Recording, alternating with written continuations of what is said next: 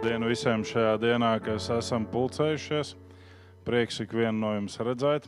Un prieks jā, par to, ka mēs esam tādā pavasarīgā noskaņā. Tādas čalas un čadas un, un runas, un, un tas viss iepriecina. Prieks bija ar katru no jums, kas varējāt būt vakardien Mērsagā uz šo atbalsta koncertu. Prieks bija būt kopā. Un, uh, nevis tāpēc, ka es piedalījos šajā koncertā, liekas, ka šis koncerts bija izdevies, bet tāpēc, ka cilvēki, kas tajā piedalījās, dažādi, ar dažādu kritikas līmeni, teica, ka koncerts bija izdevies. Un, uh, īpaši tie, kas nosēdēja visu koncertu līdz beigām, tie teica, ka izdevies. Un bija arī tādi, protams, kas nespēja paciest elektronisko skaņu un uh, aizgāja ātrāk prom. Bet mēs visi esam dažādi. Ne? Un eh, šis pavasaris mums uzdod visiem vienu jautājumu. Ar šīm aizvadītajām divām pus nedēļām. Mēs šajās nedēļās esam mainījuši savu skatu fokusu. No mana, mana, mana uz globālu skatījumu. Jā, tas mūs neskar šobrīd vēl tik ļoti. Es atgādināšu mazliet vēsturi. Mums mēdz aizmirsties vēsturi. 86. gadā neviens nerunāja par to, ka ir atomreaktora avārija notikusi.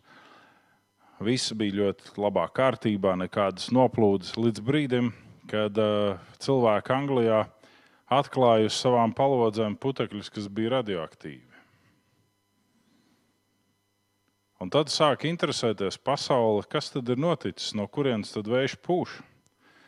Un izrādās, ka vējš pūta no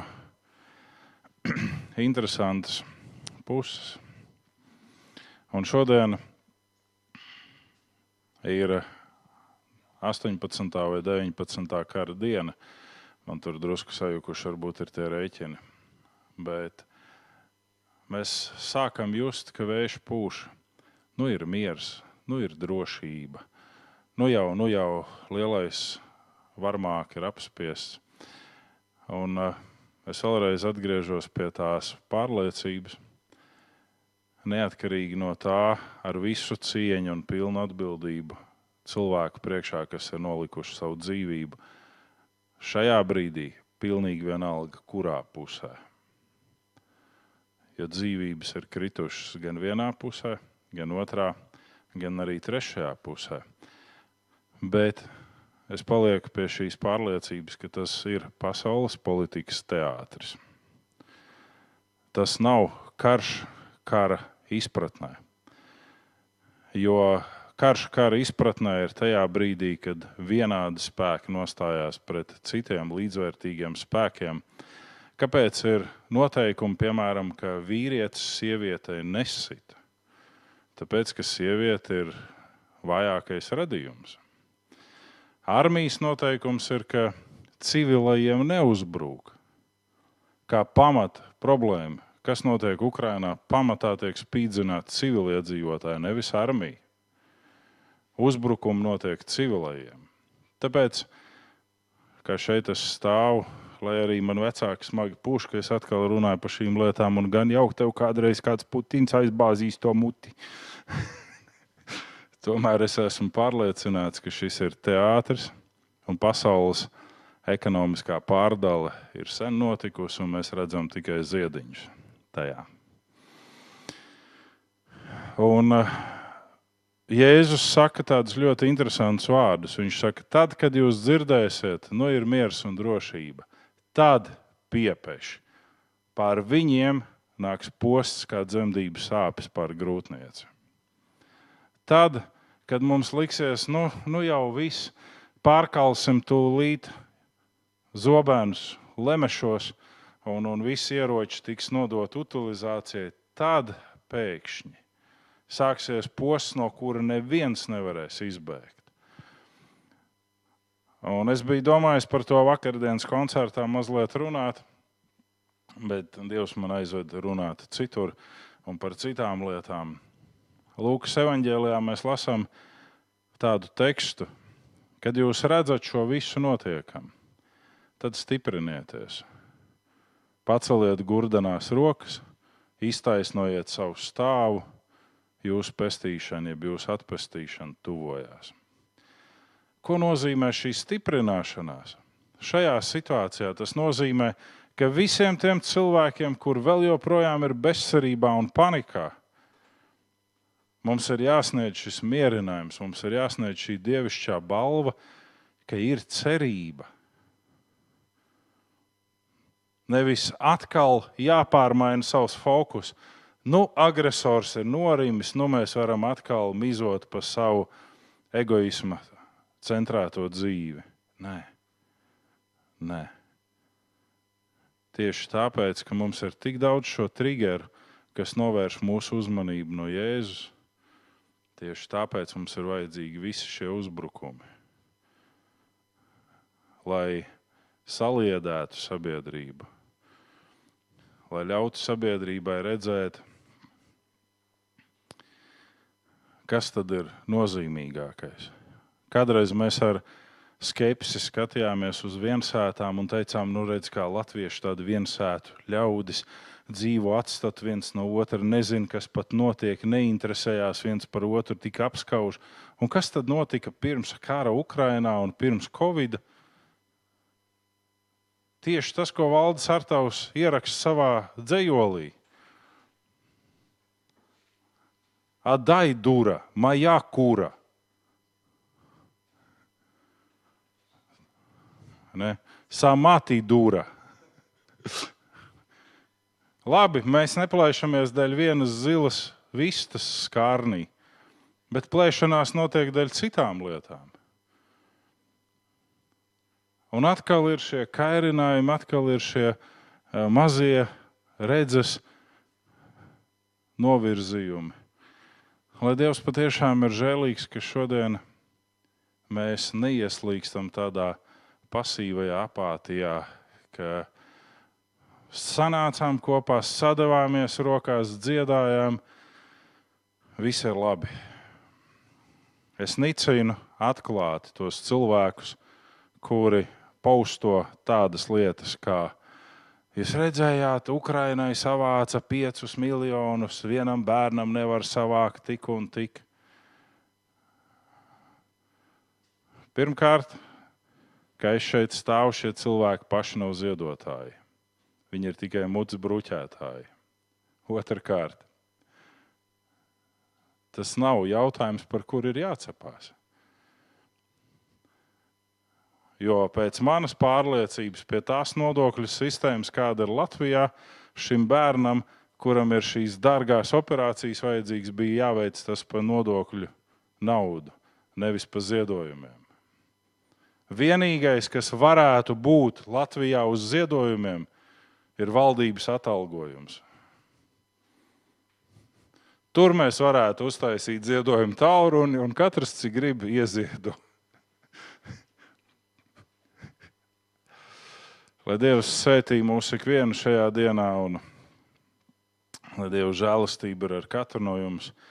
Tie no jums, kas nevarējāt sastapt personīgi, saņemat virtuālo sveicienu no mācītāja Mārķa Kirsona, ar kuru vakar izveidojās labas, eh, draudzīgas attiecības. Un iespējams arī kādā brīdī viņš apviesos mūsu pilsētā. Un, lai Dieva žēlastība ir pār katru no mums šajā dienā. Lūksim Dievu un vienosimies arī pirmajā dziedājumā. Debes Tēvs! Lūdzu, tavu žēlastību, un atkal žēlastību, lūdzu, tavu aizsardzību mums ikvienam. Mums katru dienu es vajadzīgs tu. Mums vajag tevi, kungs. Mums ļoti vajag tevi. Lai tajā brīdī, kad ir šis miera periods, lai mēs neieslīgstam apātijā, lai mēs neieslīgstam sevis tīksminājumā un tādā mazajā prieciņā par to, ka nu jau viss ir labi. Redz, cik spēcīgas mūsu lūgšanas. Kungs, es mums žēlīgs katram, ļauj mums katram stiprināties ticībā uz tevi, dzīvais un vienīgais un mūžīgais. Paldies par tavu aizsardzību, paldies par tavu žēlastību. Paldies, ka tu mūs katru esi izredzējis no pasaules. Lūdzu, ikdienas pievieno izglābtos tam pulkam, kurā esam mēs, šo ticīgo, dievbijīgo pulkam. Jēzus vārdā pieskaries katram, kurš ir sirkstošs, pieskaries katram, kurš ir sāpēs Šajā dienā mēs arī īpaši aizlūdzam par Dairu, viņa ciešanās un viņas sāpēs un skumjās, par zaudēto kristiānu. Un mēs lūdzam visžēlīgais valdnieku, kurš mājo augstībā, dod jau mieru, kur es sagatavoju zem godības spārniem uz savu debesu jums svētajiem un tīrajiem pakāpieniem, kristiānu dvēselēju kurš ir aizgājis mūžībā. Jo neuzņemoties nekādus solījumus, tuvinieki apņemas ziedot labdarībai, lai kristiāna dvēsele tiktu pieminēta, lai viņš iegūst mieru ēdienas dārzā, tāpēc, lai apklāja visžēlīgais valdnieks viņu zem savas pārnēnas mūžīgi un pievieno mūžīgi dzīvo rindām viņa dvēseli. Dievā lai ir viņa mantojums lai atdusās viņš savā dusmas vietā šeit pasaulē. Mēs lūdzam, Kungs, svētī, svētī, svētī, svētī šo ģimeni, dari savu labo darbu pie šīs ģimenes un pie katra tava bērna kristīgajā draudzē pilsētā. Pagodinies ar savu spēku. Āmen. Āmen. Dziedāsim!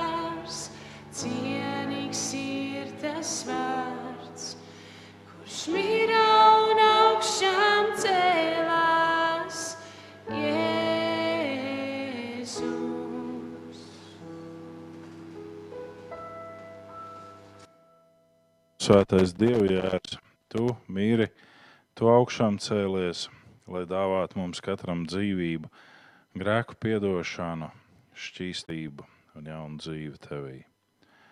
Svētī mūsu uz to ikvienu, darbojies mūsos un vairo mums ticību. Ticību, kura izpaužās darbos, ne tikai vārdos. To lūdzam tev Jēzus vārdā.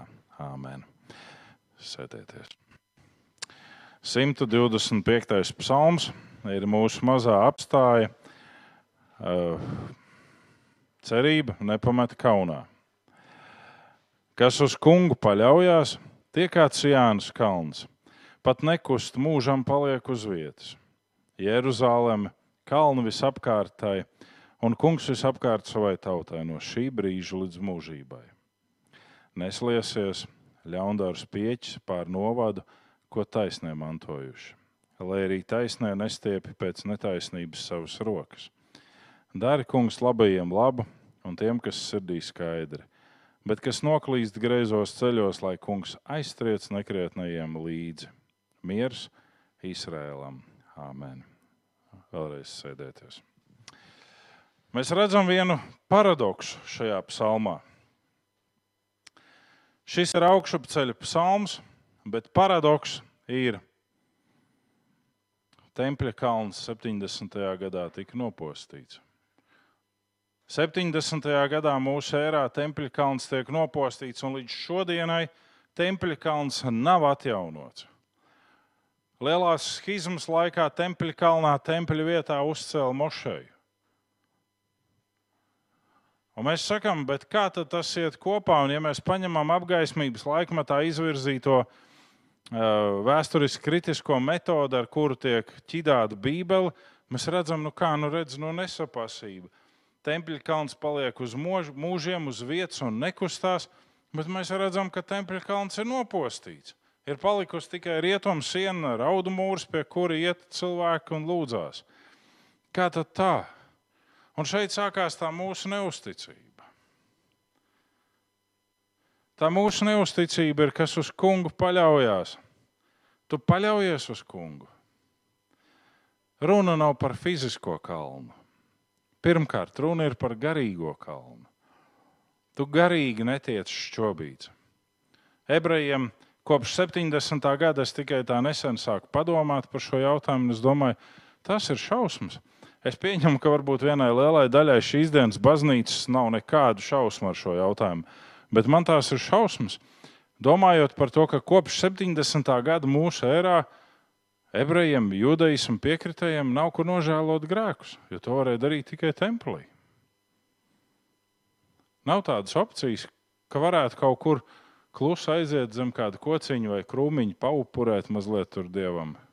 Nav kur salīdzināties ar Dievu. Sinagogas nesniedz salīdzinājumu. Sinagogas sniedz tikai un vienīgi šo tuvošanās sadraudzību, ka es netuvojos Dievam viens, bet es tuvojos kopā ar brāļiem māsām, to mazo kolektīvo ticību uzturēja. Bet templis tas ir, tas ir viss centrs, tas ir akses mundī. Nav tempļa. Mēs sakām, nu, bet redz, kā vajag mācīties no mums. Es esmu tāds protestants, kas negrēko un kam nav ko jālūdz atdošanu. Patiešām mums katram ir mūsu domas, mums katram ir mūsu vārdi.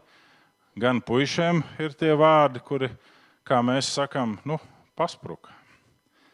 Tur kāds dusmīgs vārds, kāda dusmīga doma. Gan meitenēm ir kādi vārdi, par kurām viņas pēc tam domā, kāpēc es vispār to teicu. Liekas, tā kā tāds briesmonis no viduslaikiem atnācis te rēgoties. Nē, nu, ir labi, kad ir hormonus, ko novelt vainu, bet nu, taisnība jau arī ir. Brīžam mēs paši sev neizprotam. Kas uz kungu paļaujas, tie netiks sātana uzvarēti. Tie nekustēs no sātana varas mūžam. Izraels nepaļāvās uz kungu. Izraels paļāvās uz reliģisko sistēmu, un šī sistēma sabruka. Tajā brīdī, kad mēs sākam paļauties pārāk uz mūsu reliģiskajām sistēmām, šīs sistēmas sāk šķobīties, un šīs sistēmas brūka. Kungs ir visapkārt savai tautai, ko viņš ir apsolījis Ābrahamam. Ka ticībā tiks svētīti tavu pēcnācēji, tu būsi daudz tautu ticību tēvs. Un aizvadītajā nedēļā, lasot lekcijas, BSM jaunieši samuls. Viņi mēģināja pateikt, ka es neko nezinu no īstās dzīves, ka ir tikai viena baznīca un tā ir kristīgā baznīca. Es teicu, nē, tā, tā gluži nav. Ir mormoņu baznīca, ir musulmaņu baznīca. Nav tikai kristiešu baznīca. Nu, bet tās visas pārējās ir sektas. Es saku, nē. Paskatīsimies patiesībā acīs. Abrahamam bija divi dēli. Viens ir ebreju, otrs ir arābu tēvs. Abām tautām ir ticība. Vai tur tika noteikts, ka tikai par ebreju ticības tēvu viņš tiks saukts? A, kā tur ar to pestīšanas jautājumu un kā ar glābšanu? Ziniet, kā mums cilvēkiem patīk līst tur, kur nav mūsu lieta, un tad dabūt pa degunu. Ne? Mēs bāžam savu degunu iekšā tur, kur nevajag. Mums liekas, ka mēs visu zinām. Jo mums atkal ir mūsu reliģiskā sistēma. Jā, Nīti, tu gribi tikt pestīts. Tagad tev ir jānāk šeit visu šo ļaužu priekšā, šeit jānometās uz celīšiem, jāparaud pieci sasariņas, un tad viss sapratīs, ka tu esi nožēlojis grēkus. Tātad tu jau esi ceļā uz, un tad ir nākamais punkts, kas tev ir jāveic, un tad jau viss ir kārtībā ar tevi. Patiešām te ir teikts, ka kas uz kungu paļaujas, un kungs ir apkārt tiem, kas kas uz viņu paļaujas no šī laika mūžīgi. Viņš ir apkārt savai tautai. Kas ir kunga tauta? Tie, kas jūt bijību par kungu, jeb pret kungu, kas ciena viņu, kas godā viņu kā tēvu. Un kā tēvu godāt ir tas brīdis, kad par ko tēvs ar māti parasti lielās, ka viņi saprot viens otru no pusvārda. Tur varbūt ir vairāk vienas puses diktatūra. Bet no bērniem ir tas moments, kad tu jau apmēram saproti, ko tavs tētis varētu vēlēties no tevis. tu saproti, kādu tēju tēdzis dzer vai kādu kafiju tēdzis dzer. Un tu jūti, ka šorīt tēcis ir pēkšņi pamodies. Viņš ir tāds gauss un tūlīgs. Un saka, nu, tu gribi, es tev uztaisīšu kafiju. Jā, un, un tu jau zini, kādu teici kafiju gribi. Un tu pagatavo kaut ko cienestam. Kā bērns mīl tēvu. Un tu zini to, ka teicis varētu būt iepriecināts, ja tu izdarīsi to, ko viņš tev kaut kad ir lūdzis, jeb teicis.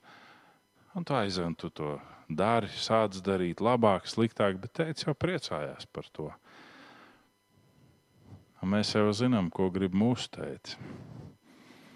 Lai viņš varētu būt ap mums, viņš grib, lai mēs esam padavīgi viņam, lai mēs esam pakļāvīgi viņam. Un lai mēs caur šo savu dievbijību rādām pasaulē, ka viņš ir mūsu tētis. Un patiesi nesliesies ļaundars pieķis pār novadu, ko taisnē mantojuši. Lai arī taisnie nestiepi pēc netaisnības savas rokas. Katrā brīdī, kad taisnie grib stiept savas rokas pēc netaisnības un tās stiepi, viņi zaudē šo dievišķo aizsardzību viņš zaudē šo dievišķo klātbūtni. Katru brīdi. Kaut arī tādos mazos sīkumos, kaut arī tādos mazos nieciņos. Un tad ir šis lūgums, lai miers ir Izrēlam, un lai labajiem notiek labais, un tiem, kas ir slikti, lai notiek sliktais. Kas ir sliktais? Kas ir sliktie? Sliktais ir viss darbs, kurā mēs pārkāpjam Dieva likumu. Un slikti ir tie, kas popularizē šo darbu kā legālu, kā labu, kā pareizu. Lai Dievs svētī, ka patiešām mēs paļaujamies uz kungu vienu mēru. Dziedāsim divas dziesmas. Pēc šiem diviem dziedājumiem Sēdienas skola dodas uz savām stundiņām, un mēs klausāmies Dievu vārdu.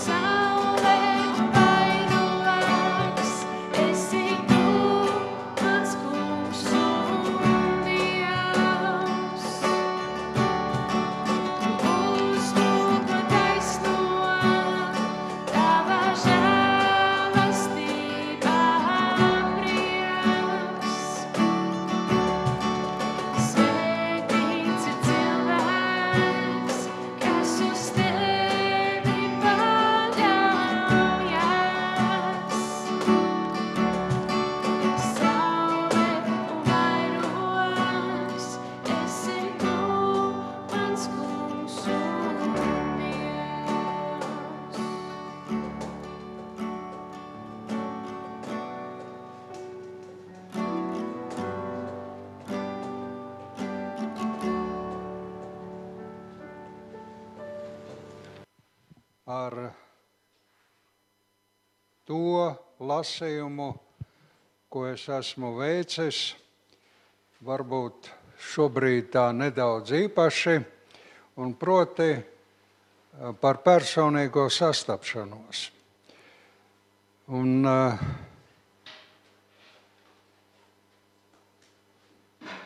pēc skaitļiem mēs jau astoņus, reiz, astoņus notikumus esam apskatījuši. Un uh, es negaidīšu atbildi, bet jautājumu uzdošu. Vai uz šo brīdi kāds no klātesošiem kaut vismaz par vienu no šiem notikumiem varētu pastāstīt, kas šajā notikumā bija tas akcents? Es domāju, ka tas viss ir pagājis. Tas tā normāli cilvēcīgi būtu. Protams, ja kāds ir pierakstījis, nu, tad, tad viņš varētu pacelt savus pierakstus un pastāstīt. Bet eh, jo vairāk, jo vairāk es savā aktīvā darba nobeiguma laikā varu tagad atvērt Bībeli un lasīt, jo arvien vairāk es nonāku pie pārliecības, ko mācītājs Uģis tā garamējot aizķēra, ka reliģija nevienam cilvēkam absolūti nevar palīdzēt. Tas nozīmē, ka labākā gadījumā mēs teorētiski kaut ko zinām, bet tas jau nav ievietots manā dzīves ikdienā. Bet šī grāmata ir dota mums, lai, nu, pieņemsim, ka sākums ir galvā, pieņemsim, bet runa ir par sirdi. Un no turienes aiziet līdz roku pirkstu galiem, kāju pirkstu galiem, paņem savā varā mūsu mēli, koriģē to, ko mūsu ausis dzird, un koriģē to, ko mūsu acis redz. Pāvils to pasaka vienkārši. Viss, kas bijis, ir pagājis, viss ir kļuvis gluži jauns.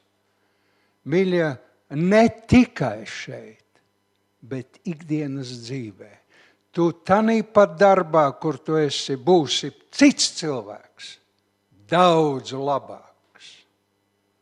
Ģimenē, jā, tava otrā puse uz tevi skatīsies un teiks, klausies, kas ar tevi ir noticis.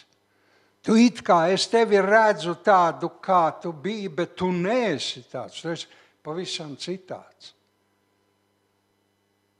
Un tad ar smaidu dažreiz tiek uzjautāts, bet kāds tad labāks vai sliktāks? Nē, nu labāks gan, bet pilnīgi citāds. Un nu tam otram cilvēkam ir jāsāk pielāgoties. Jo mm, viss ir pilnīgi savādāk. Astoņi notikumi aiz muguras ko esam ieguvuši. Mazliet zināšanas. Nu, nav jau slikti, bet kāds īsti labums. Kāpēc šis nelielais ievadiņš? Mēs tulīt lūgsim Dievu. Jo šodien es jums pie astoņiem piepakošu vēl piecus notikumus. Man nav citas iespējas. Jo saprotot, ka no tā, kas ir pateikts, nav rezultāta. Nu, ziniet, negribās iedomāties, ka es esmu Don Kihots, kuram gribās karot ar veidzirnavām. Var jau būt, ka tā ir, bet nu, negribās iedomāties. Ja? Un tāpēc, kad es nosaukšu rakstu vietu, es nelasīšu, bet es citēšu pēc manas izvēles kādus teikumus no tā notikuma. Un jums būtu ļoti labi mājās pārlasīt šos notikumus un tad mēģināt tos izceltos teikumus sasaukt kopā. Lūksim Dievu, nolieksim galvas. Mūsu mīļais debesu Tēvs, vienīgais patiesi dzīvais Izraēlas svētais Dievs. Pateicamies par Tevi sargātu adusu naktī, un ka esi cēlis mūs pretī jaunai žēlastības dienai, kas jau lielā pusē ir aizvadīta. Pateicamies, ka uzticoties Tavai vadībai, esam piedzīvojuši pieaugošas svētības arī atziņu robežu paplašinājumā. Tāpēc lūdzam atdošanu, kad kā nerātni bērni esam ļāvušies pasaules kārdinājumiem, iepretim tavai vēlmei mūs pasargāt no ļauna. Un, protams, mums pienākās ciest sāpes, no kurām tu centies mūs pasargāt. Tēvs, mēs nelūdzam bezjēdzīgos brīnumus un vīzijas, bet lūdzam spēku ikdienā būt vērīgiem un attapīgiem, ieraudzīt mazo soļu svētību, lai raibajā ikdienas gājumā laikus pamanītu pieredzi un atklājumus, kuri mums ir svarīgi. Lūdzu, dodi smalku izjūtu, atšķirt vissvarīgāko no otršķirīgā, lai pareizi pēc tava prāta izmantotu mums doto dzīves laiku. Mēs lūdzam atturības spēku un mēra sajūtu, lai nepeldētu pa dzīvi un nelidinātos mākoņos bet saprātīgi plānotu dienu, reāli saskatot virsotnes, tāles un ielējas. Palīdzi saprast, ka nec pagātnes, nec nākotnes sapņi neved mūs uz priekšu. Tāpēc palīdzi pašreizējo brīdi uztvert kā vissvarīgāko, lai pēc iespējas labāk izdarītu to, kas mums ir paveicams tūlīt. Tēvs, ļauj atkal piedzīvot, ka taviem bērniem svinot grēku nožēlas pilno atgriešanos, tu dziedini arī viņu zemi. Un neliedz šodien savas atklāsmes gaismu vārdam, kuru šai dienai esi paredzējis mums. Āmen! Es aicināju pierakstīt, un lai vēlāk varbūt nevajadzētu atkal un atkal pie tā apstāties, lūdzu, svet, spitālīgie sastop Jēzu. Pirmais notikums, par ko šodien domāsim, ir Lūkas evanģēlijums 17. nodaļa 11 līdz 19. Otrais notikums. Laulības pārkāpējas sastop Jēzu Jāņa 6. nodaļa 1 līdz 11. Bagātais vīrs sastop Jēzu Lūkas 18 18 līdz 30. Mācekļi sastop Jēzu. Mateja 16, 13 līdz 18. Grieķi sastop Jēzu. Jāņa 12, 20 līdz 26.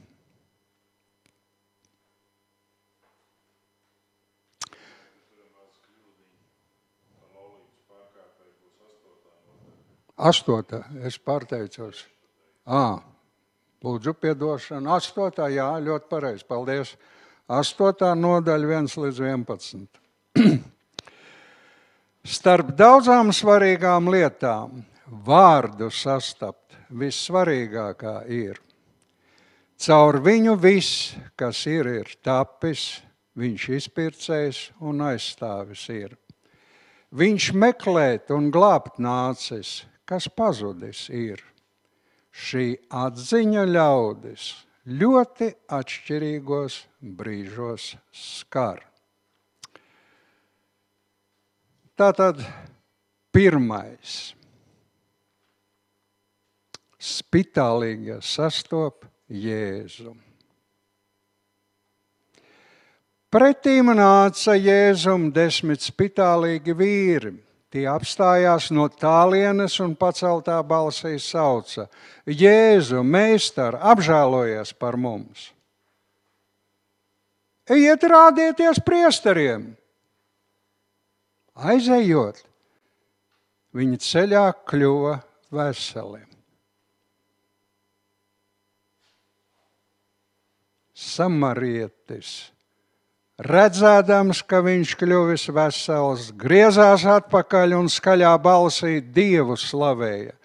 Nometās uz sava vaiga pie viņa kājām, proti Jēzus kājām, un pateicās viņam. Bet tas bija samarietis. Vecā derībā mēs lasām par kādu augstu, augstmani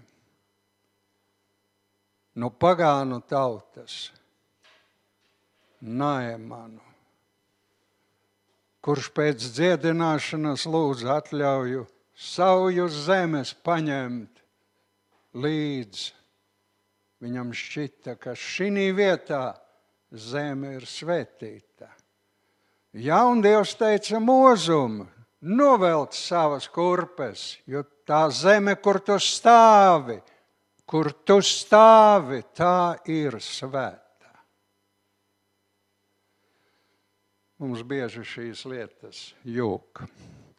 Vai visi desmit nav kļuvuši veseli? Kur tad tie deviņi? Vai cits neviens nav atradies, kas būtu griezies atpakaļ? Un dievam godu devis, kā vien šis citautietis.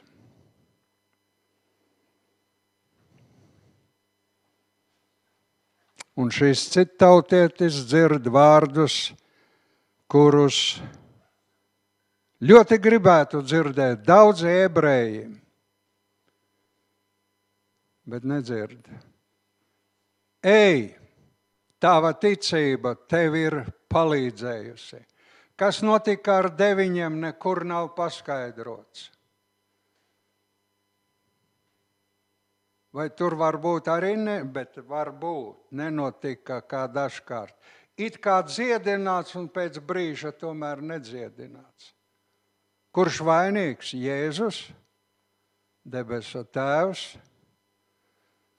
Atbilde it kā ir šeit. Tava ticība tev ir palīdzējusi. Un tā nav vienīgā reize, mēs jau zinām, jau agrāk tas tika teikts. Ļoti ikdienišķa notikuma atstāsts. Piedzīvot vajadzību, nepieciešamību, saņemt tā risinājumu un pieņemt to kā pašu par sevi saprotamu bez jebkādām emocijām. Man taču vajag būt veselam. Bet te nevar būt nekas pats par sevi saprotams. Jo pats par sevi saprotams, ka uz grēka zemes, slimības, ciešanas un sāpes ir pašas par sevi saprotama lieta. Un nevis otrādi. Šī ir grēka zeme. Kopš ēdenes dārza šī ir grēka zeme, kur grēks diemžēl valda. Un Dievs ir tikai tāds pieaicinātais un nekas savādāk. Bībelē jūs neatradīsiet vārdus, lai šo tēzi apgāstu. Nav! Šī ir grēka zeme. Un Dievs ienāk par tik, par cik es gribu no grēka brīvs kļūt. Dievs aizņem šo vietu.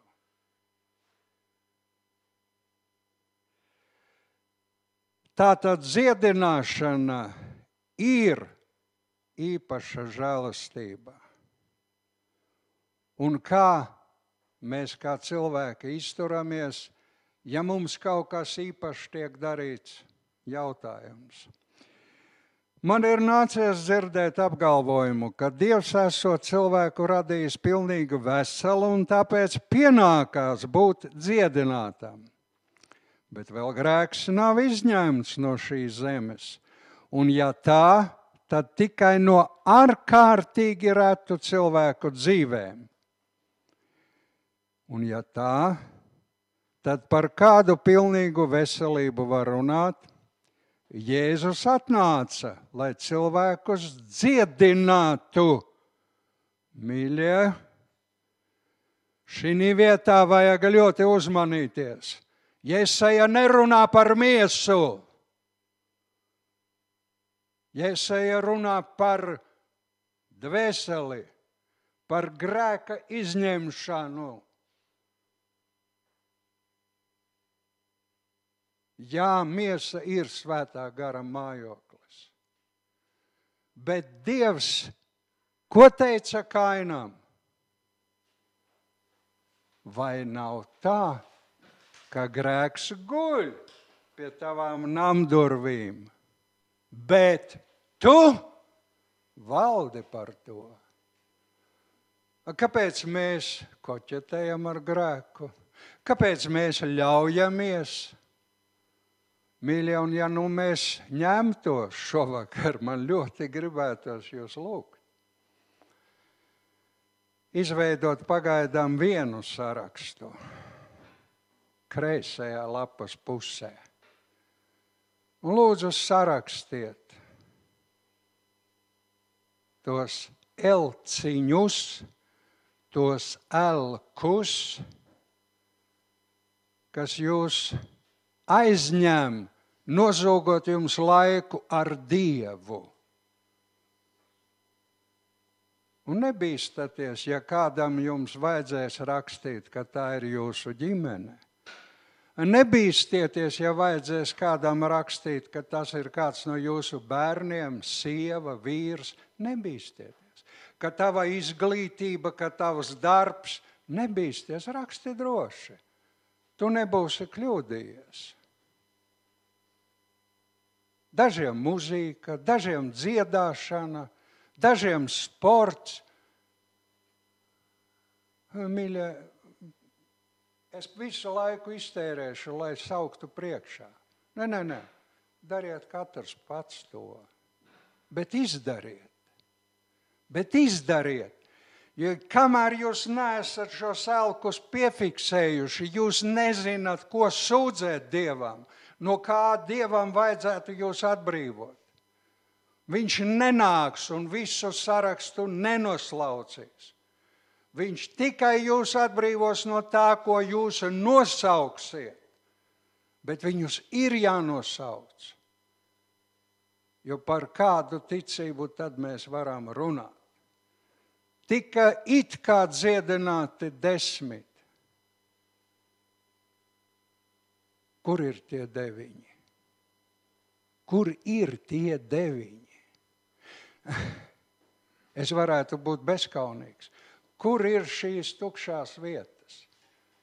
Vai šodien nav dieva dusmas diena, vai šodien nav tā diena, kad es priecājos, nu beidzot es varēšu atkal, atkal ar māsām, brāļiem sastapties ar Dievu, ar viņiem kopā pielūgt. Jā, nu ir kādi ir slimi. Jā, jā, jā. Bet kur ir? Vai es esmu katreiz bijis, kad man tas objektīvi bija iespējams? A, kāpēc es nebiju? A, kāpēc es atpaliku? Tur bija kāds elks. Tur bija kāds elks, kurš tobrīd bija lielāks nekā Dievs. Man eh, pirmā dziesma, Bībelē viņa ir ļoti bieži lasīta, bet šoreiz kaut kā šie vārdi ļoti aizķēra. Kā briedis brēc pēc ūdens upēm, tā mana dvēsele pēc tevis dievs. Kāpēc mana dvēsele brēc pēc Dieva? Ko es no viņa gribu? Ko es ceru saņemt no viņa? Nu jā, nu labklājību, dziedināšanu. A, kāpēc tev to vajag? Labu vīru meitene grib saņemt no Dieva. Puisis grib saņemt labu sievu no Dieva. A, kāpēc tev to vajag? Puisi! Man te maz puiši ir. Nu, nekas, divi ir. Sēžot. Puisi! Vai tu zini, ka tev vajadzētu no Dieva lūgt spēku, kļūt par ģimenes galvu? Aiz kura tad būs tā ģimene? tā pavarda turētāji un tā svētība, ko Dievs dos. Un tu nevienam šo vietu negribēsi labprāt atdot. Būt kuģa priekšvadnim, kurš ķels visus viļņus. Meitenes, un dažs vēl ir.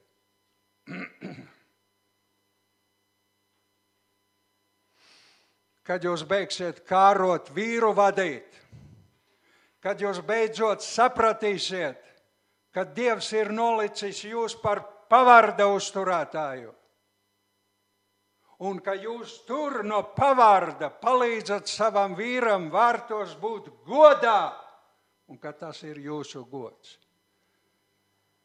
Lūdzu, nesakiet nevienu teikumu no tā, kas pasaulē. Man bail, ka es kādā dienā uzstāšos un sabradāšu šo mācību. Tāpēc šodien Ukrainā ir karš. Tāpēc mēs Latvijā rāpojam uz ceļiem.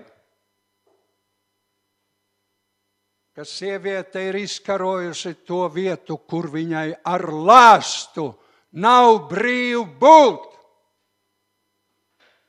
Kas Lielbritāniju nogremdēja? Kurš vīrietis? Kas Latvijā ienesa lāstu, reliģijas brīvību? Es varētu vēl saukt, nesaukšu. Veriet vaļā Bībeli. Un kā puiši, tā meitenes, jūs lieksiet galvu uz lejas. Jo tur ir atbilde, kāpēc mēs sakām, neiet dzīvē. A kā var iet, ja mēs paši pret zenulis pārdamies? Kur ir tie deviņi? vai desmit nepiedzīvoja svētību.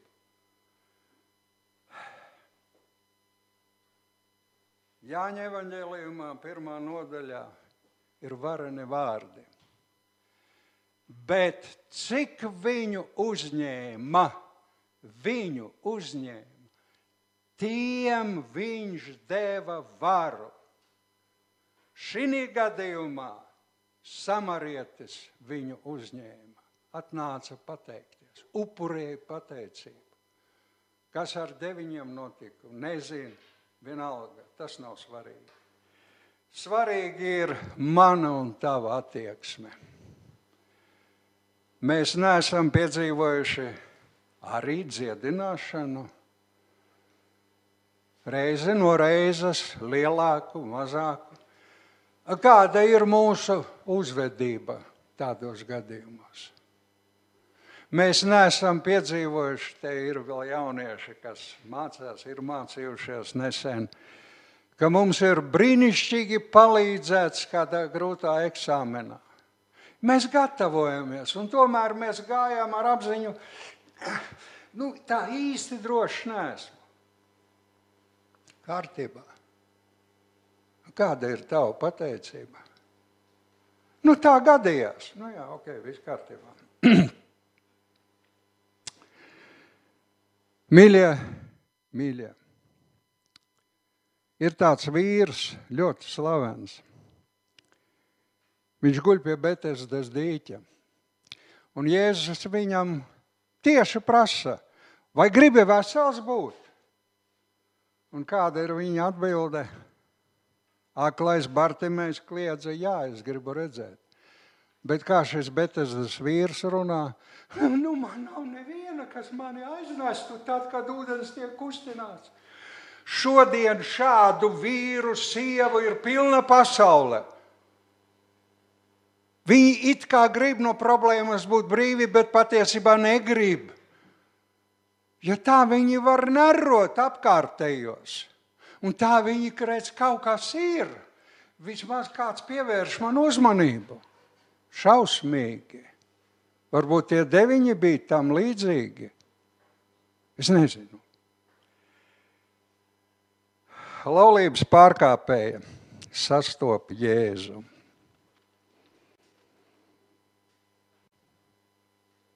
Ļoti ieklausieties teikumā, ko es nu pat, nu pat lasīšu.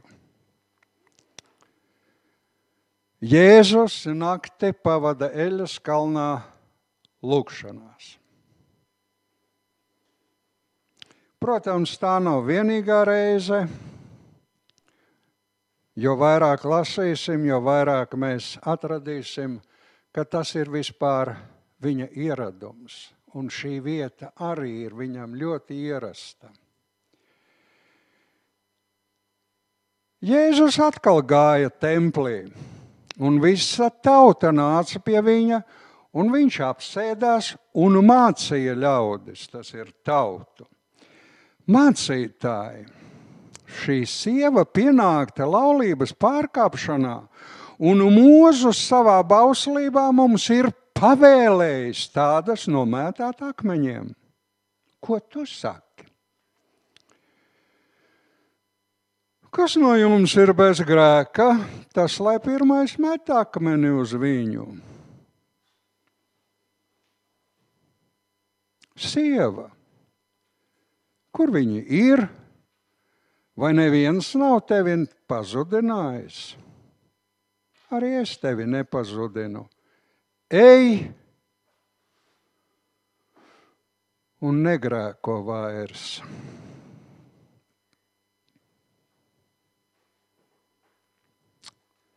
Ziniet, šis ir notikums, kurā patiesībā mēs varam vienlaicīgi redzēt vairākas atšķirīgas sastapšanās ar Jēzu.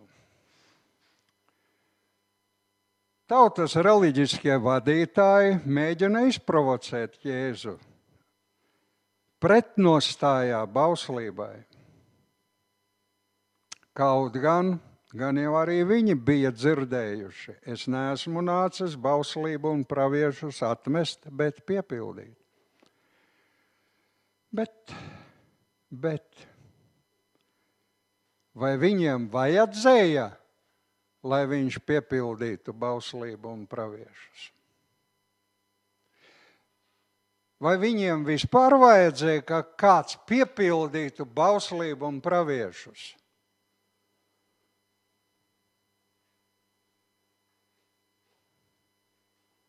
Viņiem galvenais bija, lai tauta neaizmirst upurēt, jo viņi jau no šiem upuriem iztika. Un varbūt ne tikai iztika, bet pat veidojās pārticība dažiem. Kā mēs varētu netīšām paskatīties uz Krievijas patriārhu Kirilu kurš savā bagātībā gandrīz konkurē ar Putinu. Bet nu, tas tā, garām ejot. Es tikai to pieminu, tāpēc, ka tad jūs varat saprast, kāpēc viņš paceļ roku un svētī Krievu armiju, ieskaitot ar Putinu, lai apkautu brāļus Ukrainā.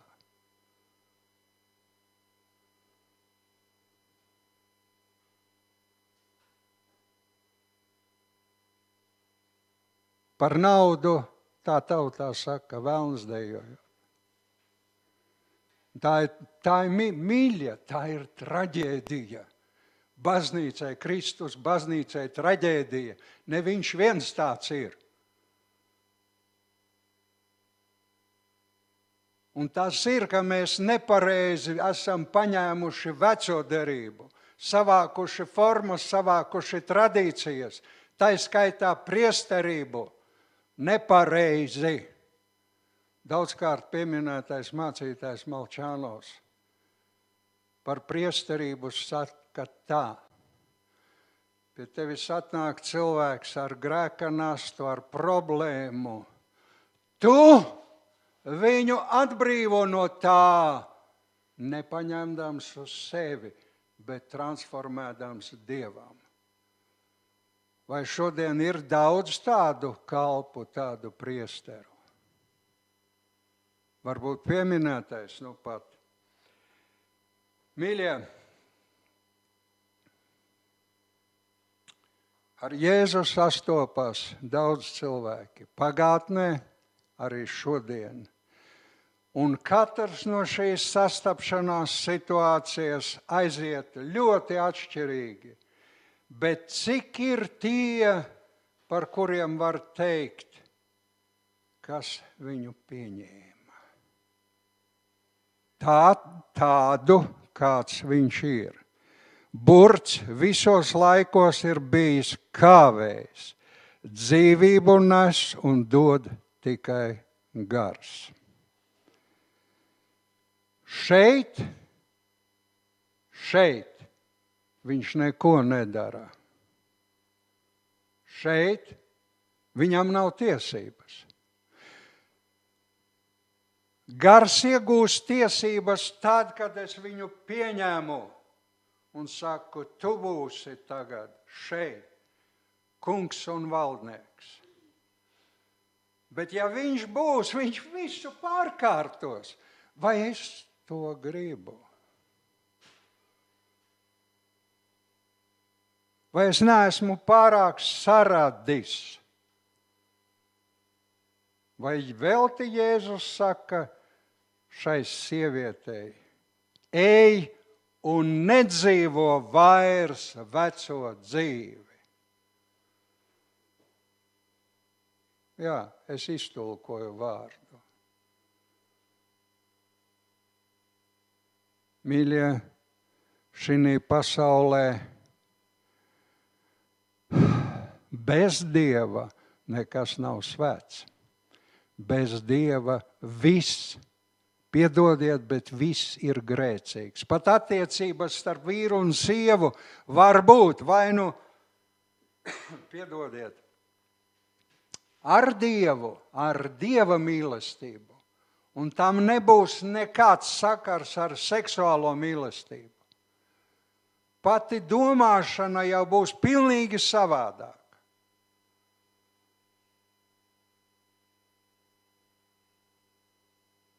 Tava iekāre būs pēc tava, pēc tava vīra. Tā Dievs teica. Un interesanti, Mēs dzirdējām labu apceru par īriem. Un es tā gaidīju, kad mācītājs Uģis kādā brīdī teiks, stāstīs par to, ka vīriem ir milzīgi iekāri pēc, pēc sievietes, pēc sievām, pēc meitenēm. Viņš kaut kā paslīdēja tam garam, nepamanīja. Bet viņš to nevarēja teikt, tāpēc ka tas nav Bībelē pateikts. Bībelē ir daudz kas cits pateikts, ko mēs vīri nepildām. Mīliet savas sievas. Un tur nav teikts, ka tikai skaistās un tikai tās iznesīgās. Nē, tur ir vienkārši pateikts, mīliet savas sievas. Ja tu to meiteni paņēmi sev par sievu, tad mīli viņu. Bet viņa, bet viņa, tu esi vainīgs, ka viņa Ko Dievs tev teica? Izzinādams pārvaldi. Un nebūs šis, bet viņa. Mīļie, es čučuķi izlec no biksēm. Ja? Ejam uz priekšu. Jēzus pirms šiem notikumiem, kurus es jau maķenīt risinu, lūdza Dievu nakti lūdza Dievu. Man acu mirklī pazuda tā mācītāja vārds, bet savā laikā, tālos padomju gados, Jelgavā bija mācītājs, kurš ar saviem padomus brāļiem ne jau regulāri, bet reiz no reizes piedalījās dziedināšanā, piedalījās arī garu izdzīšanā. Draudze un apkārtējie ļaudis zināja, ka pirms viņi lūdza pēc dziedināšanas, jeb kāda gara izdzīšanas, viņi nedēļu bija ieslēgušies mācītāja kabinetā, gavēja un lūdza un viņam nevajadzēja lūgšanu skaitīt entās reizes. Ja Dievs bija teicis, tagad, tagad tika vesels.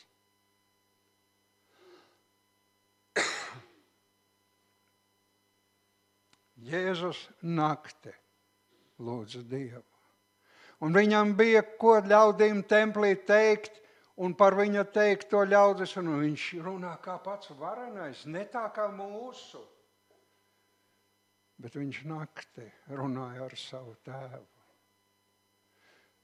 Naktī tēvs viņu uzpildīja. Un šo vietu lasot, man radās vēlēšanās pārlasīt, meklēt, cik ilgi Dievs gatavoja mūzu lai 40 gadus lietotu. Un te kaut kur jau, man liekas, pagājušā svētdienā vai kāda paskanēja. 40 gadi Eģiptē, 40 gadi tūkstnesī. Un tad 40 gadi Dieva tautas priekšā. Cik ilgi Jozovā tika gatavots? Kā jauneklis ienākot mūžus teltī, mācoties viņa dzīves ritmu. Cik ilgi Jēzus tika gatavots? Tā uzreiz nemānieties. 30 gadus. Un trīs gadus viņš kalpoja. Un mēs bieži vien vakar nokristamies un šodien pienākam pie mācītāja. Enos, es tagad sludināšu, man viss ir atklāts, man viss ir parādīts. Nu tad, tad ko jūs gribat? Kādus rezultātus jūs gribat? tā sauktā draudzene iet purvā. Un kurš ir vainīgs? Es, jūs, mēs.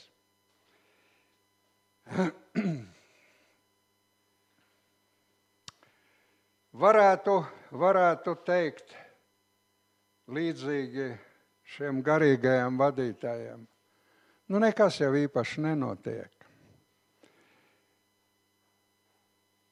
Bet vai mēs neapgrēkosimies? Šoreiz templī nekas īpašs nenotika. Nē, nē, zvaigznes no debesīm nenokrita, un, un šī nebija tā reize, kad priekškars pārplīstu. Tā jau jā, bet šī grēciniece aiziet atbrīvota. Tas nav nekas īpašs. Kā es ilgotos, ka no mūsu sapulcēm, nu, no katras sapulces, vismaz viens aizietu no grēka dziedināts.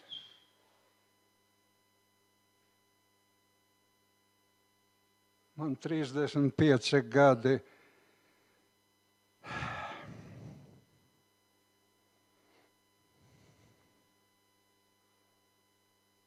ir aizvadīti mērsaka draudzē kalpojot.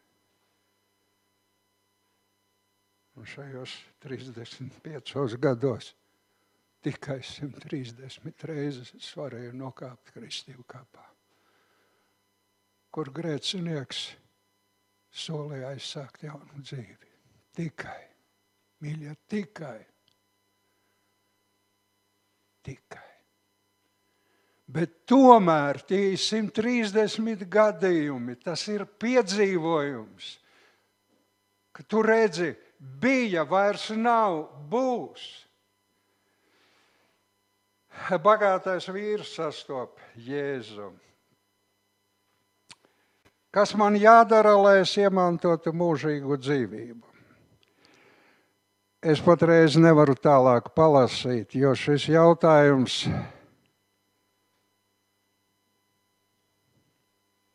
vai tas, vai tas ir tavs jautājums? Vai tas tev ir svarīgi?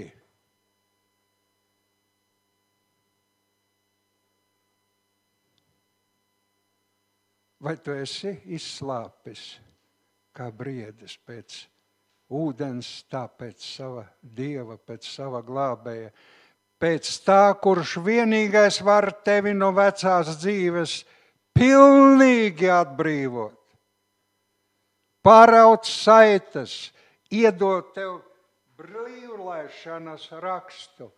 Tev nav jāvērgo grēkam. Tu esi brīvs, dzīvo laimīgs. Baušļus tu zini.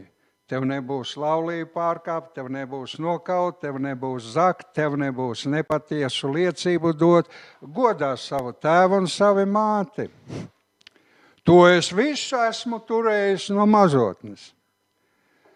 Nu, es neesmu drošs. Es vismaz nevarētu tā ar pārāk lielu pārliecību teikt, ka kad es arī tur varu pie sevi pieskaitīt. Kaut kas jau jā, bet nu.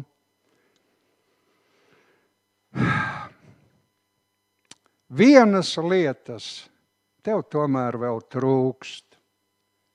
Mīļie, mīļie, jūs atceraties, ko es nu pat lasīju? Ko visu viņš ir pildījis?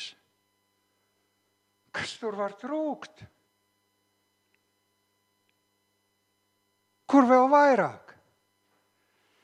Pārdod visu, kas tev pieder, un izdali to starp nabagiem. Tad tev būs mantas debesīs. Un tā, tad nāc man līdzi. Jēzu, Jēzu. Vai tad tev tiešām tikai nabagi ir noderīgi? Jēzu. Es taču esmu tik grūti sūri pūlējies, paskat, kādas man rokas, kājas.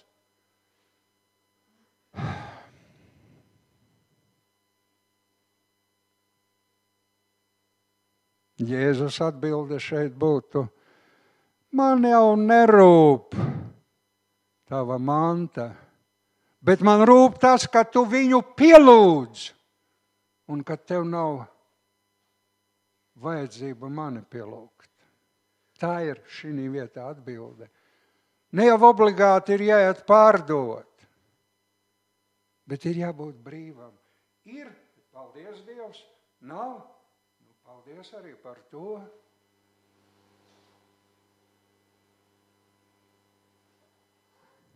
Kaut kur policijā daudzus gadus atpakaļ ir kāds humors, vai tā varētu teikt. Respektīvi, pie kaut kur tirgus ar gudriem gājieniem man nozog visus dokumentus, un tā skaitā 700 latus, kas bija sakrāti, lai nopirktu jaunu apkursu krāsni. Bet pēc 45 minūtēm mērsragā sāksies ceturtdienas vakara lūkšanas sapulce uz kuru esmu plānojis būt. Man ir jānoformē policijā dokumenti nu, par šo zādzību. Iebraucu policijā, nu, es saprotu, ka tas būs pāris stundas, kamēr nu, viņi visu tur sārakstīs un visu, ko darīs. Es saku, mīļie kungi, ja jau man dokumenti nav, tad es tāpat varu braukt, vai ne? Skatās uz mani lielām acīm. Viens uzreiz saka, labi, es jums uzrakstīšu tādu zīmīti, kad jūs formējaties pie mums un kad jūs esat tiesīgs. Es saku, jo es esmu mācītājs un man tur tūlīt sākās sapulce. Pēc sapulces es būšu pie jums atpakaļ. Atbrauc atpakaļ, pabeidzām visu to darīt, un tas pats cilvēks, kas man uzrakstīja to zīmīti, skatās uz mani klusē, bet, nu, es redzu, dusmīgs nav, tad jau neko sliktu neteiks. Viņš saka, ziniet, piedodiet, bet es teikšu godīgi, kāds man izjūts ir. Tādu muļķu es pirmo reizi redzu. Es teicu, paldies. Nu, lūdzu, lūdzu, nedusmojiet. Es saku, nē, nē, paldies par jūsu taisnību. Es saku, Bībelē ir rakstīts, ka tādu ir ļoti maz. Kas tā tāda ir? Es saku, kā jūs nezināt Bībeli? Vai? Es saku, tad jūs patiesībā neko nezināt. Man bija viņam jāsagādā Bībeli. Ar to arī pabeidzās mūsu tā brīža un vēlākās attiecības. Bet rezultātā krāsnēs varēju nopirkt dokumenti, man visi atjaunojās.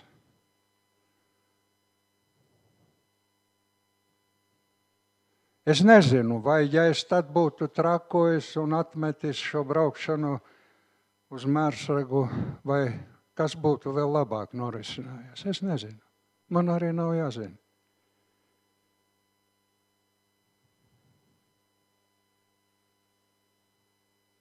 Bagātais jauneklis, bagātais vīrs ir sprukās.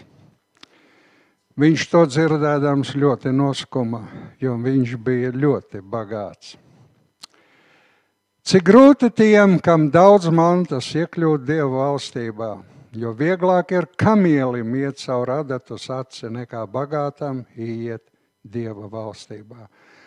Un, mīļie, nepārpratīsim, šeit nav runa tikai par naudas bagātību. Daudz ir bagāti savā pašapziņā, daudz ir bagāti sasniegtajā godā, pozīcijā, sabiedrībā, un tā varētu turpināt. Uz operas skatuves ir ļoti daudz bagātu ļaužu, uz teātras skatuves ir ļoti daudz bagātu ļaužu. Mīļie, bagātam ir grūti iet Dieva valstībā. Kāpēc? Šauri ir vārti un šaurs ir ceļš. Ir tāds nostāsts, ka šie vārti esot tik šauri, ka pa viņiem var iziet un arī vēl saskrāpējoties. Tikai tāds kā piedzīvis. Bez, bez pat vēļas. Jo arī tas paliek uz šiem vārtiem. Es nezinu. Bet man tā šķiet, ka tā varētu būt. Jo vēl ar vienu ir kaut kas, ko ir jāatstāj. Vēl ar vienu ir kaut kas, ko ir jāatstāj.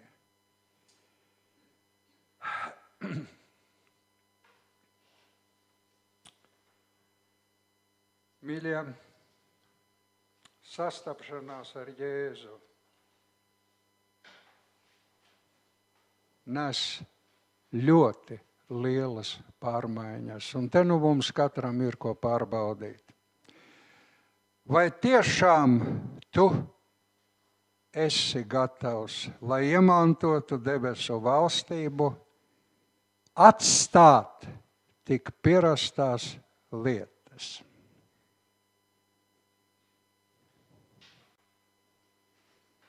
Mīļie, domāsim! Mācekļi sastop Jēzu. Ko ļaudis saka par cilvēka dēlu? Kas viņš esot? Citi saka Jānis Kristītājs, citi Elija, vēl citi Jeremija vai kāds no praviešiem. Bet ko tad jūs par mani sakat? Kas es esmu?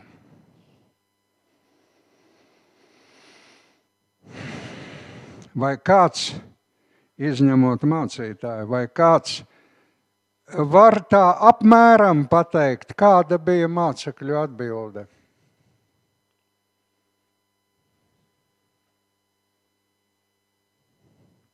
Tu esi Kristus, dzīvā Dieva dēls. Nu, jā, labi, labi referēts teikums. Bet kas tā ir iekšā? Kristus, Imānuēls, Svaidītājs, pasaules glābējs. Glābējs, nedziednieks. Tas vārds mūs bišķiņ nosit no ceļa. Glābējs. Dzīvā Dieva dēls. Svētīgs tu esi, Simoni, Jonas dēls, jo miesa un asinis tev to neatklāja. Bet mans tēvs, kas ir debesīs, kāpēc Jēzus neteica mūsu tēvs? Nu, tobrīd, tobrīd debesu tēvs nebija vēl Pēterim tēvs. Nebija. Līdz krustam nebija. Varbūt tur tajā brīdī, kad gauži viņš raudāja, tad varbūt Jēzus tēvs kļuva arī Pētera tēvs. Es nezinu, es nebiju klāt. Jūs Bībelē bieži sastopat, īpaši vecā derībā, tavs dievs, tava tēva dievs. A, kāpēc ne tavs? Nu, godīga atziņa mans vēl nē. Ko tu vari pateikt par cilvēka dēlu? Kas viņš ir tev? Nevis tavam mācītājam, nevis tavai draudzēji, bet tev. Kad tev darba biedrs tā mīļi un sirsnīgi vienkārši pajautās, klausies! Nu, pastāsti man, nu, kāpēc? Nu, kāpēc tu tici tur kaut kādam jēzum, par kuru ir tik daudz pretrunīgu runu? Tikai lūdzu, nesāc stāstīt, cik reizes viņš tev veselībā dziedināja. Nesāc stāstīt, cik reizes viņš tev paaugstināja pa darba kāpnēm, cik viņš tev palīdzēja izglītībā iet uz augšu labāk par to nerunā. Tāpēc viņš nenāca. Ja tu vari pastāstīt to, par ko runā pravietis Jesaja, kā viņš tevi dziedināja no tā, no tā grēka, no tā grēka, kā viņš tev palīdzēja ģimenes attiecības pārkārtot. Es tagad samelošos. Bet mēs ar māsu Zigrīdu daudzus gadus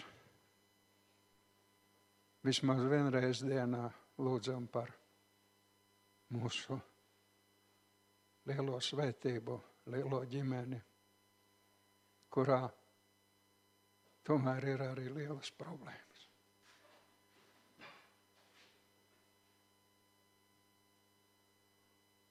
Un cik tas ir patīkami, ka tu kādā vakarā lūdzot naktas sargāšanu, vari Dievam teikt, Dievs, paldies, ka tu mani puteklēs uzklausījis un ka tu tajā plaisumā esi atkal iestājies. Kāpēc tas man ir svarīgi? Palasiet īņķa grāmatu. Īņķis upurē par saviem bērniem Varbūt, ka viņi ir sagrēkojuši. Viņš ir ģimenes tēvs, viņš ir patriārhs. Viņš ir šeit, un kamēr viņš ir šeit, viņš ar savu dvēseli atbild par tiem, ko Dievs viņam ir devis. Viņš upurē.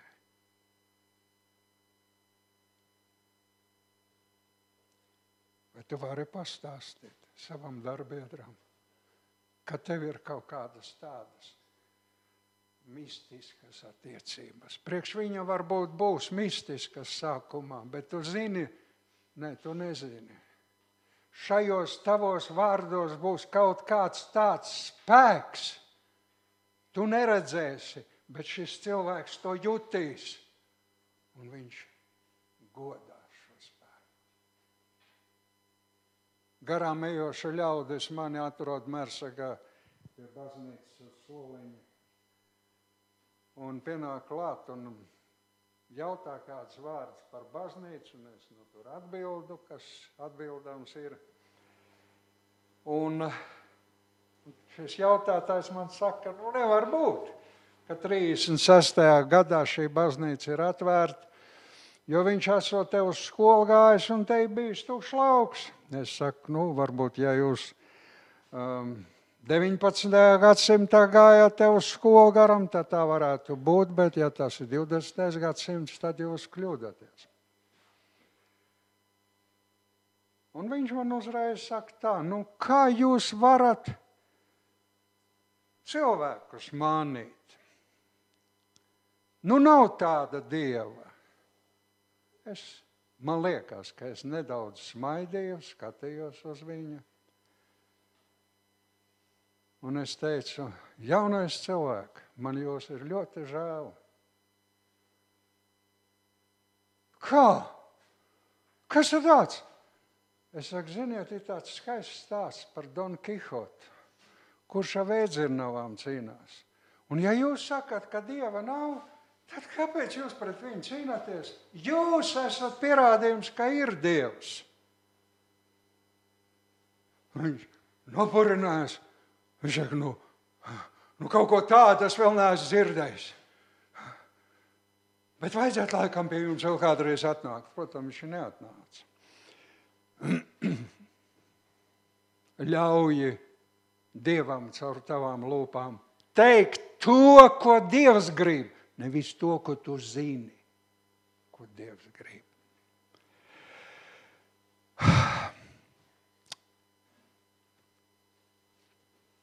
Grieķi sastopas Jēzu.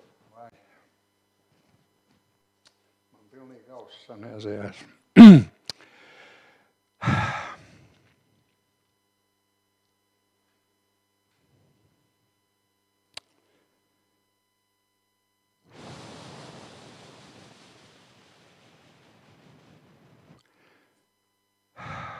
pirms es šo domu mēģinu atrisināt, man ir kāds jautājums jums mājas darbam. Es ar viņu netiku galā. Vai cilvēks pilnā komplektā ir no šīs sarkanās māla pikas, kā mācītājs Uģis pieminēja, jeb kaut kas nav no zemes ņemts.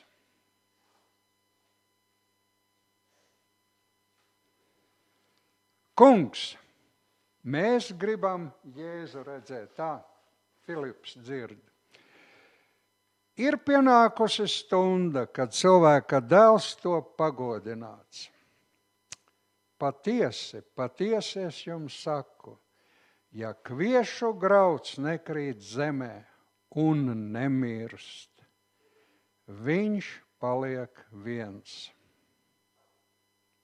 Ja nekrīt zemē un nemirst, viņš paliek viens.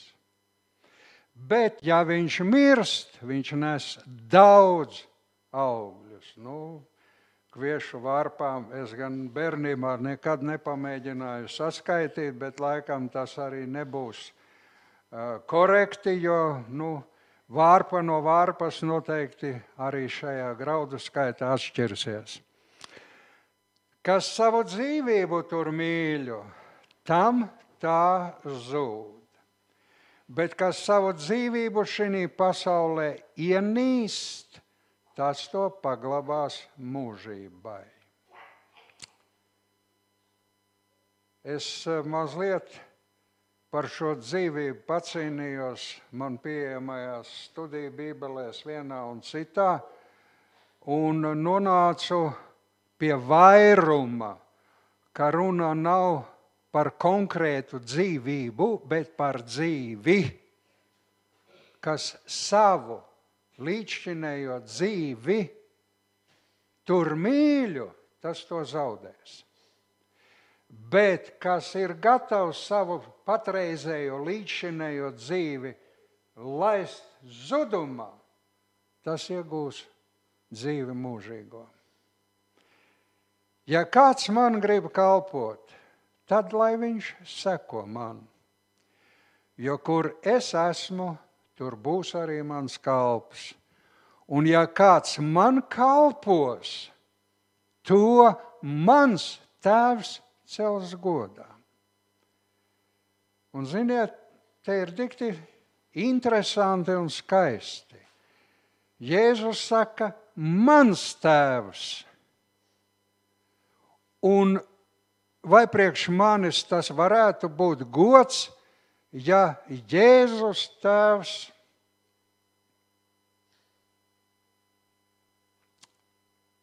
uzskatot mani, teiktu, mans dēls. Es, es domāju, lielāku godu nevajag. Bet es pareizi teicu, es domāju. Es nevaru pateikt, ka tā ir mana ikdienas būtība, šis mērķis. Es gribu iet tajā virzienā.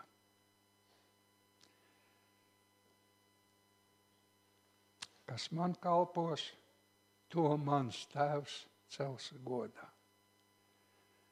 Mēs esam kā slimi pēc goda pasaulē, dažādā veidā. Da met mierā uzkāp ar kājām, sabradā un pats saki sātanam, nē, šī ziņā tu vairs mani nemocīsi. Es esmu brīvs. Kāda jauna meitene tika virzīta par slavenu violnieci, tad par operas solisti. Šobrīd viņa kaut kur ārzemēs mocās ar narkotikām. Vecākiem bija kāra pēc goda, viņai bija kāra pēc goda. Rezultāts. Viņa nav vienīgā. Tas ir ceļš uz miskasti. Pasaulē meklēt godu. Apstājies, kamēr nav par vēlu. Es tūlīt beidzu. Ja gribat, pierakstat. Vai arī tu gribi Jēzu redzēt pēc šī dzirdētā? Domā labi. Ja tu patiesi gribi Jēzu redzēt, tu dzirdēji, kas notiek. Simjāns redzēja Jēzu un teica, lai nu tavs kalps aiziet mierā, tavu pestīšanu redzējis. Andrēs un Jānis redzēja un palika. Jo kur gan citur lai ietu? Caķis redzēja, kurš atcerās, mēs apcerējām, kas ar caķēju notika. Visu mantu izdalīšu nabagiem, caķēji. Samarieta redzēja un aizsteidzās uz pilsētiņu. Jo to, ko viņa saņēma redzot Jēzu, nevar noturēt sevi. Nē.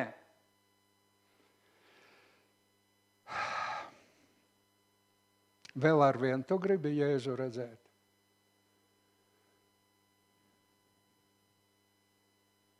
Un tad sagatavojies. Sāksies pārmaiņas. Pārmaiņas, kuras nebeigsies arī to dienu, kad tu kāpsi zārkā. Vēl tur būs pārmaiņas.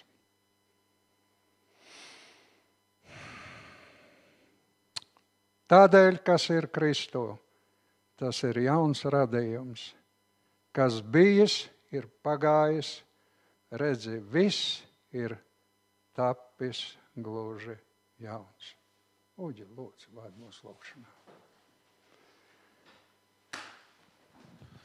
Dabas Tēvs, paldies Tev par šo dienu un paldies par Tavu žēlastību, ka mums ir šī iespēja mācīties par to, kā sastapties ar Tevi, kā vadīt savu ikdienu, kā darboties vēl vairāk ka sastapšanās ar tevi neparedz virspusējību, bet tā prasa pilnīgu atteikšanos no līdzšinējā.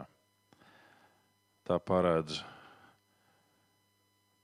pat brīžus, kur apkārtējā pasaule gribēs mūs iznīcināt.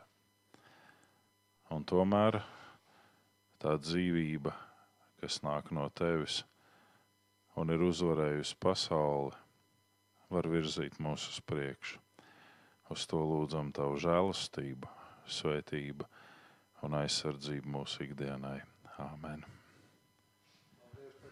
Dziedāsim šobrīd noslēguma dziesmu, un tad arī būs svētīšanas vārdi.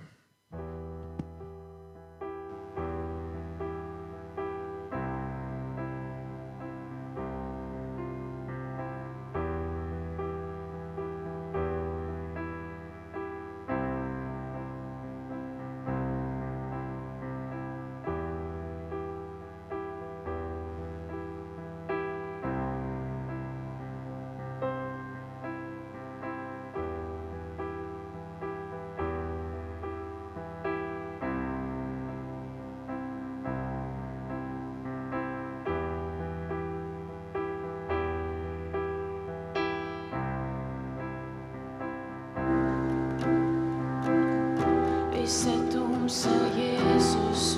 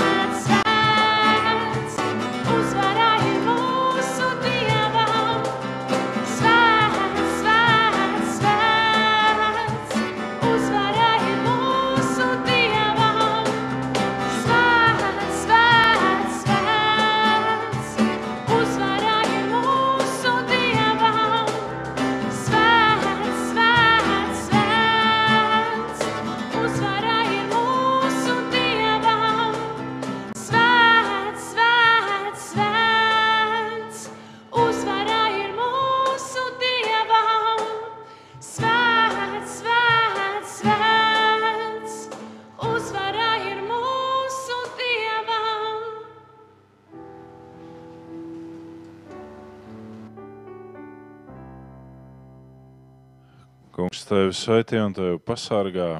Kungs apgaismo savu vaigu pār tevi un ir tev žēlīgs. Kungs uzlūko tevi ar lapatiku un dod tev savu mieru. Āmen, āmen. Lai Dievs svētī ikvienu.